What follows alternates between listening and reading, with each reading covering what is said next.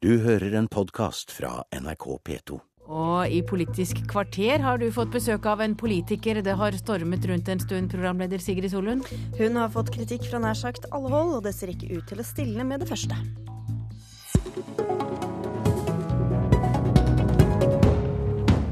Og i Politisk kvarter skal vi også etter hvert debattere at Arbeiderpartiet kjøper opp treff på Google om vikarbyrådirektivet.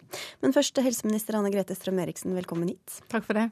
Eller velkommen tilbake, burde jeg kanskje si, for du gikk fra studio til studio her eh, i går kveld, da for å forsvare deg overfor sinte fastleger. Men du har også fått eh, kritikk for sykehussammenslåinger, lokalsykehusstrid og gjennomføringen av Samhandlingsreformen. Hvorfor tror du du er så omstridt? Jeg tror ikke nødvendigvis at det er meg som er omstridt. Jeg tror eh, det at uh, helse er et uh, område som berører alle mennesker. Det gjelder oss alle innbyggere i dette landet. Derfor så engasjerer det, og derfor så er det òg ofte ulike synspunkter og mange meninger. Men hvorfor skal dere endre på så mye på så kort tid? Altså, det er jo ikke snakk om å endre på så mye. Vi har noen reformer som har vært varslet i flere år. F.eks. Samhandlingsreformen, som er særdeles viktig å få gjennomført. Den eh, Lovverket der ble trådt i kraft fra 1.1. dette året her.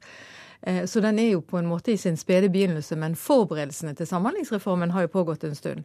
Og så er det en del andre reformer. Sant? Det går på eh, en del oppgavefordeling mellom sykehus. Men dette er viktige oppgaver, fordi det aller viktigste for oss som pasienter, det er at når vi blir syke, så får vi den hjelpen vi trenger. Du prøver altså å styre det noen mener er en ustyrlig helsesektor. Reporter Lars Nehru Sand har sett på noen av konfliktene.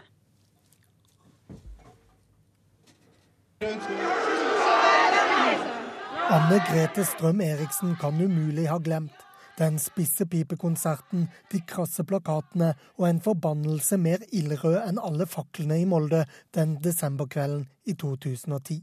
Hvordan reagerer du på dette møtet, disse demonstrantene som du blir møtt med her? Nei, det er et stort engasjement, det ser jeg jo. Det handlet om fremtiden til helsetilbudet i Kristiansund og Molde. For befolkningen handlet det like mye om et behov for noen å stille til ansvar. Et sted mellom helsebyråkrati og politikk. Mandag denne uken måtte styret gå. Det har til tider vært en del intern uh, uenighet i styret.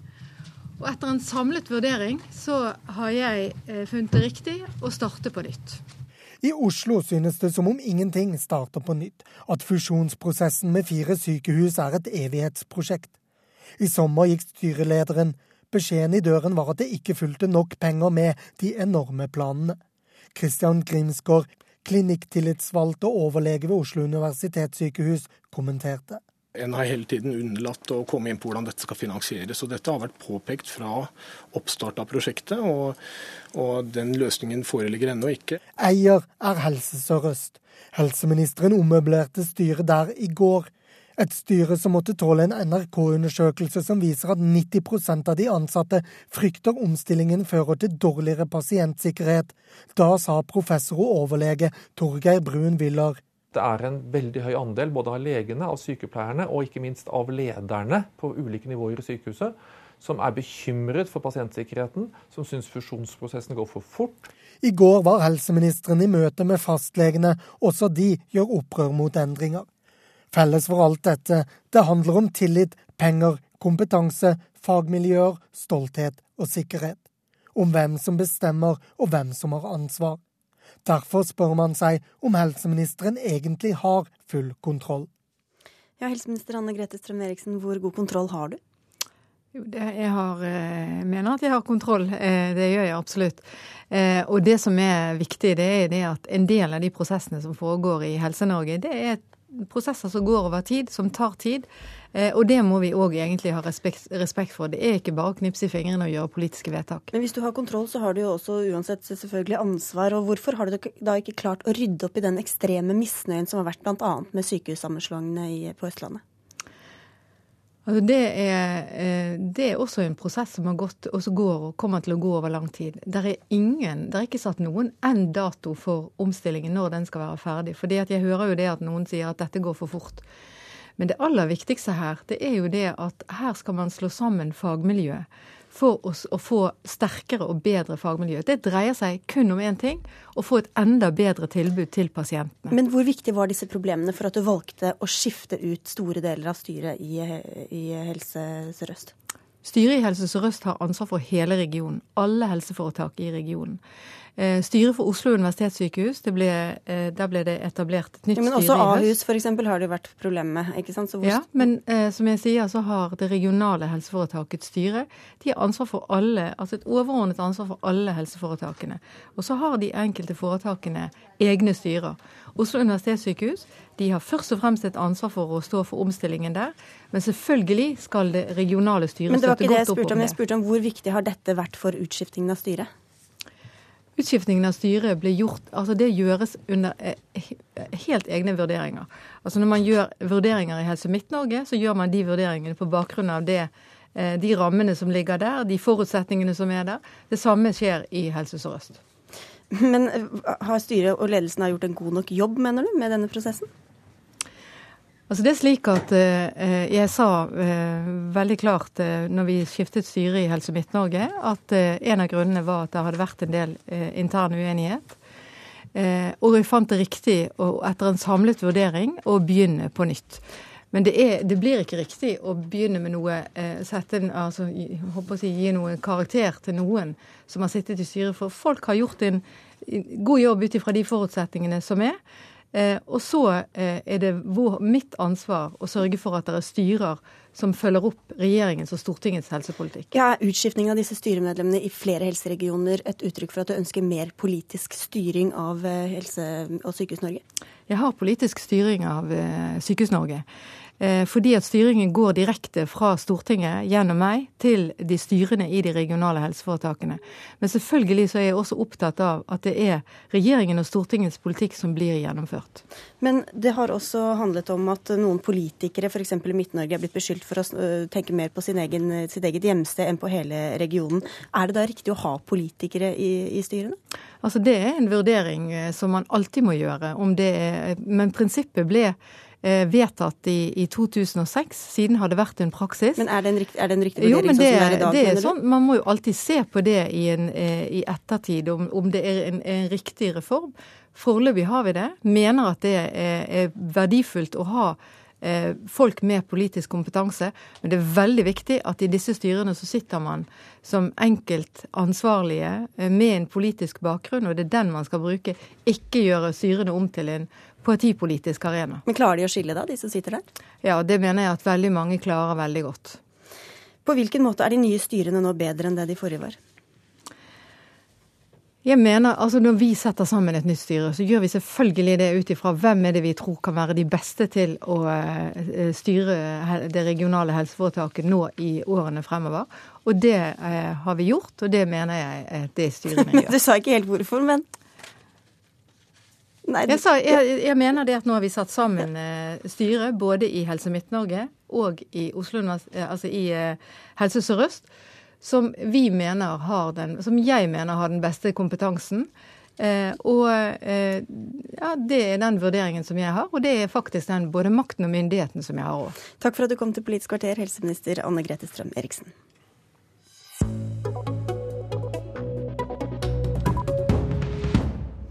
Arbeiderpartiet har opp, kjøpt opp topptreffet du får på Google hvis du søker om det omstridte vikarbyrådirektivet fra EU. Hvis du søker, er det første som kommer opp en annonse med link til Arbeiderpartiets nettside med spørsmål og svar om direktivet. Bjørnar Moxnes, nestleder i Rødt. Arbeiderpartiet betaler altså Google for denne tjenesten. Hva syns du om det?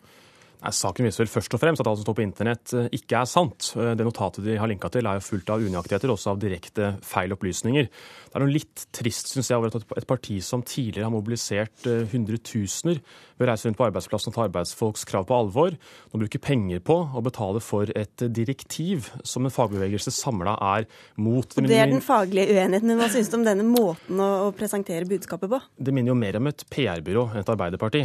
Og mange går på internett for å søke søke opp informasjon, i hvert fall noenlunde objektiv, om ulike saker. Det vi ser her er et notat som er helt ensidig, uten en eneste motforestilling. Og det er merkelig, for direktivet støttes altså av NHO og Høyre, og LO går samla imot. Ok, Nå er du langt inn i den politiske diskusjonen, Anette Trettebergstuen, stortingsrepresentant for Arbeiderpartiet. Hvorfor velger dere denne metoden?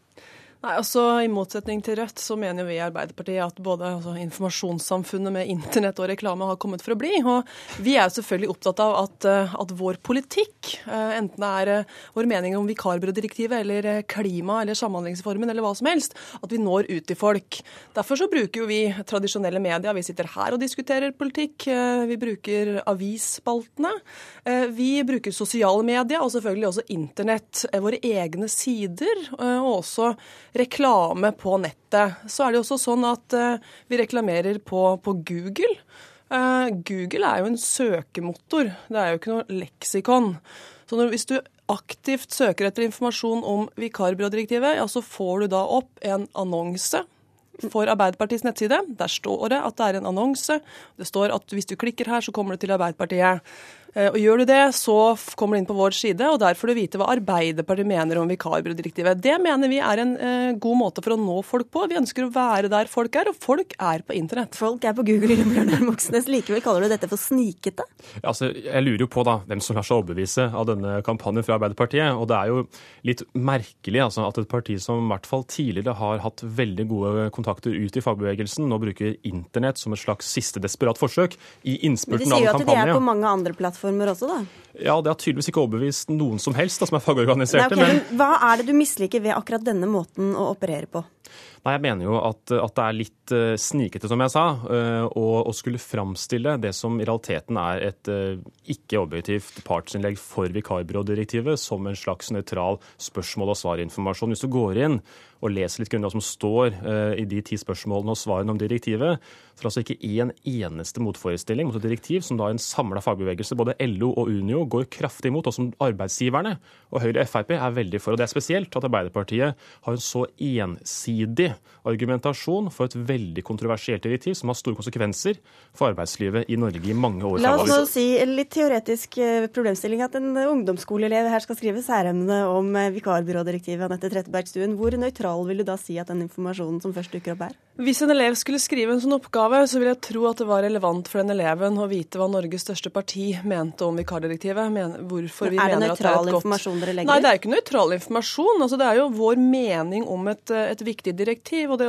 fremgår jo selvfølgelig også ved at det er en annonse for vår nettside. og Det står helt klart at dette er Arbeiderpartiets meninger om direktivet. og Vi har stilt opp ti spørsmål som vi svarer på uh, ut ifra vår mening. og Det går helt tydelig fram både når du er på Google og når du kommer på vår nettside. og Det er ikke, ikke problematisk. Tvert imot så, så, så, tror jeg det er relevant for folk å, å, bli henvist til hva Norges største parti altså mener om dette direktivet. Og jeg, Rødt, Rødt er jo EØS-motstandere og derfor imot ethvert direktiv. og Jeg anbefaler også Rødt å, å, kjøre mer kampanjer for, vårt syn, for sitt syn. De, de, for sitt syn. Eh, vi er glad i debatt, vi. Og vi bruker det i avisene, ute på arbeidsplassene, folkemøter, men også på internett, der folk er og søker informasjon. Jeg har møtt ganske mange som er lei av at Arbeiderpartiet framstiller direktivmotstand, altså mot vikarbyrådirektivet, som EØS-motstand. Det er mange i fagbevegelsen som er for EØS og mot direktivet. Og jeg, og jeg har ett, bare ett eksempel på denne uh, nøytrale informasjonen fra Arbeiderpartiet, veldig kort. og Det er at det står i, i spørsmål og svar nummer én hva er direktivet, som er kanskje det mest grunnleggende. Jo, men det var ikke det, det vi skulle snakke om. Jo, men det er ganske sentralt for debatten. Der er Arbeiderpartiet og der, der er dere bare politisk uenige, men du, snakker, du sa også på Dagsrevyen i går at det er kritikkverdig at Arbeiderpartiet bruker penger fra LO til ja, å annonsere. Og det, og det, er et viktig poeng. Husk at det, er altså, det går også kontingentpenger fra LO-organiserte bussjåfører, hjelpepleiere og også bygningsarbeidere som kan, går Men det betyr at Arbeiderpartiet kan ikke bruke penger på å snakke om sin politikk jo, der hvor de er uenige med LO? De, de, kan gjøre akkurat som de vil, men, et, men mitt poeng er at, at, folk som er i LO, som slåss for sine interesser der, er ganske forbanna over at penger fra LO også går til å finansiere en kampanje for et direktiv som NHO og Høyre og Frp er veldig for, Jo, og som de selv men er Moxnes, mot. Moxnes, vi reklamerer for mange tema. Klima, sosial dumping, sterk arbeidsmiljølov, alle våre politikkområder. Denne annonsen har vi brukt 600 kroner på. 600 kroner. Eh, Du kan si at det er min kontingent da, og moren min sin kontingent, også en halv kontingent til.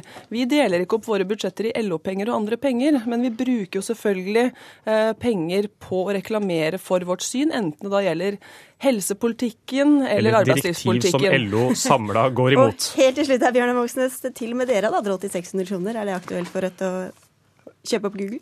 Vi satser heller på å snakke med folk ute i arbeidslivet enn på internettannonsering. For det tror vi er mye viktigere enn det. det. Og takk skal dere ha for at dere kom til Politisk kvarter, Bjørnar Moxnes og Anette Trettebergstuen. Mitt navn er Sigrid Solund. Du har hørt en podkast fra NRK P2.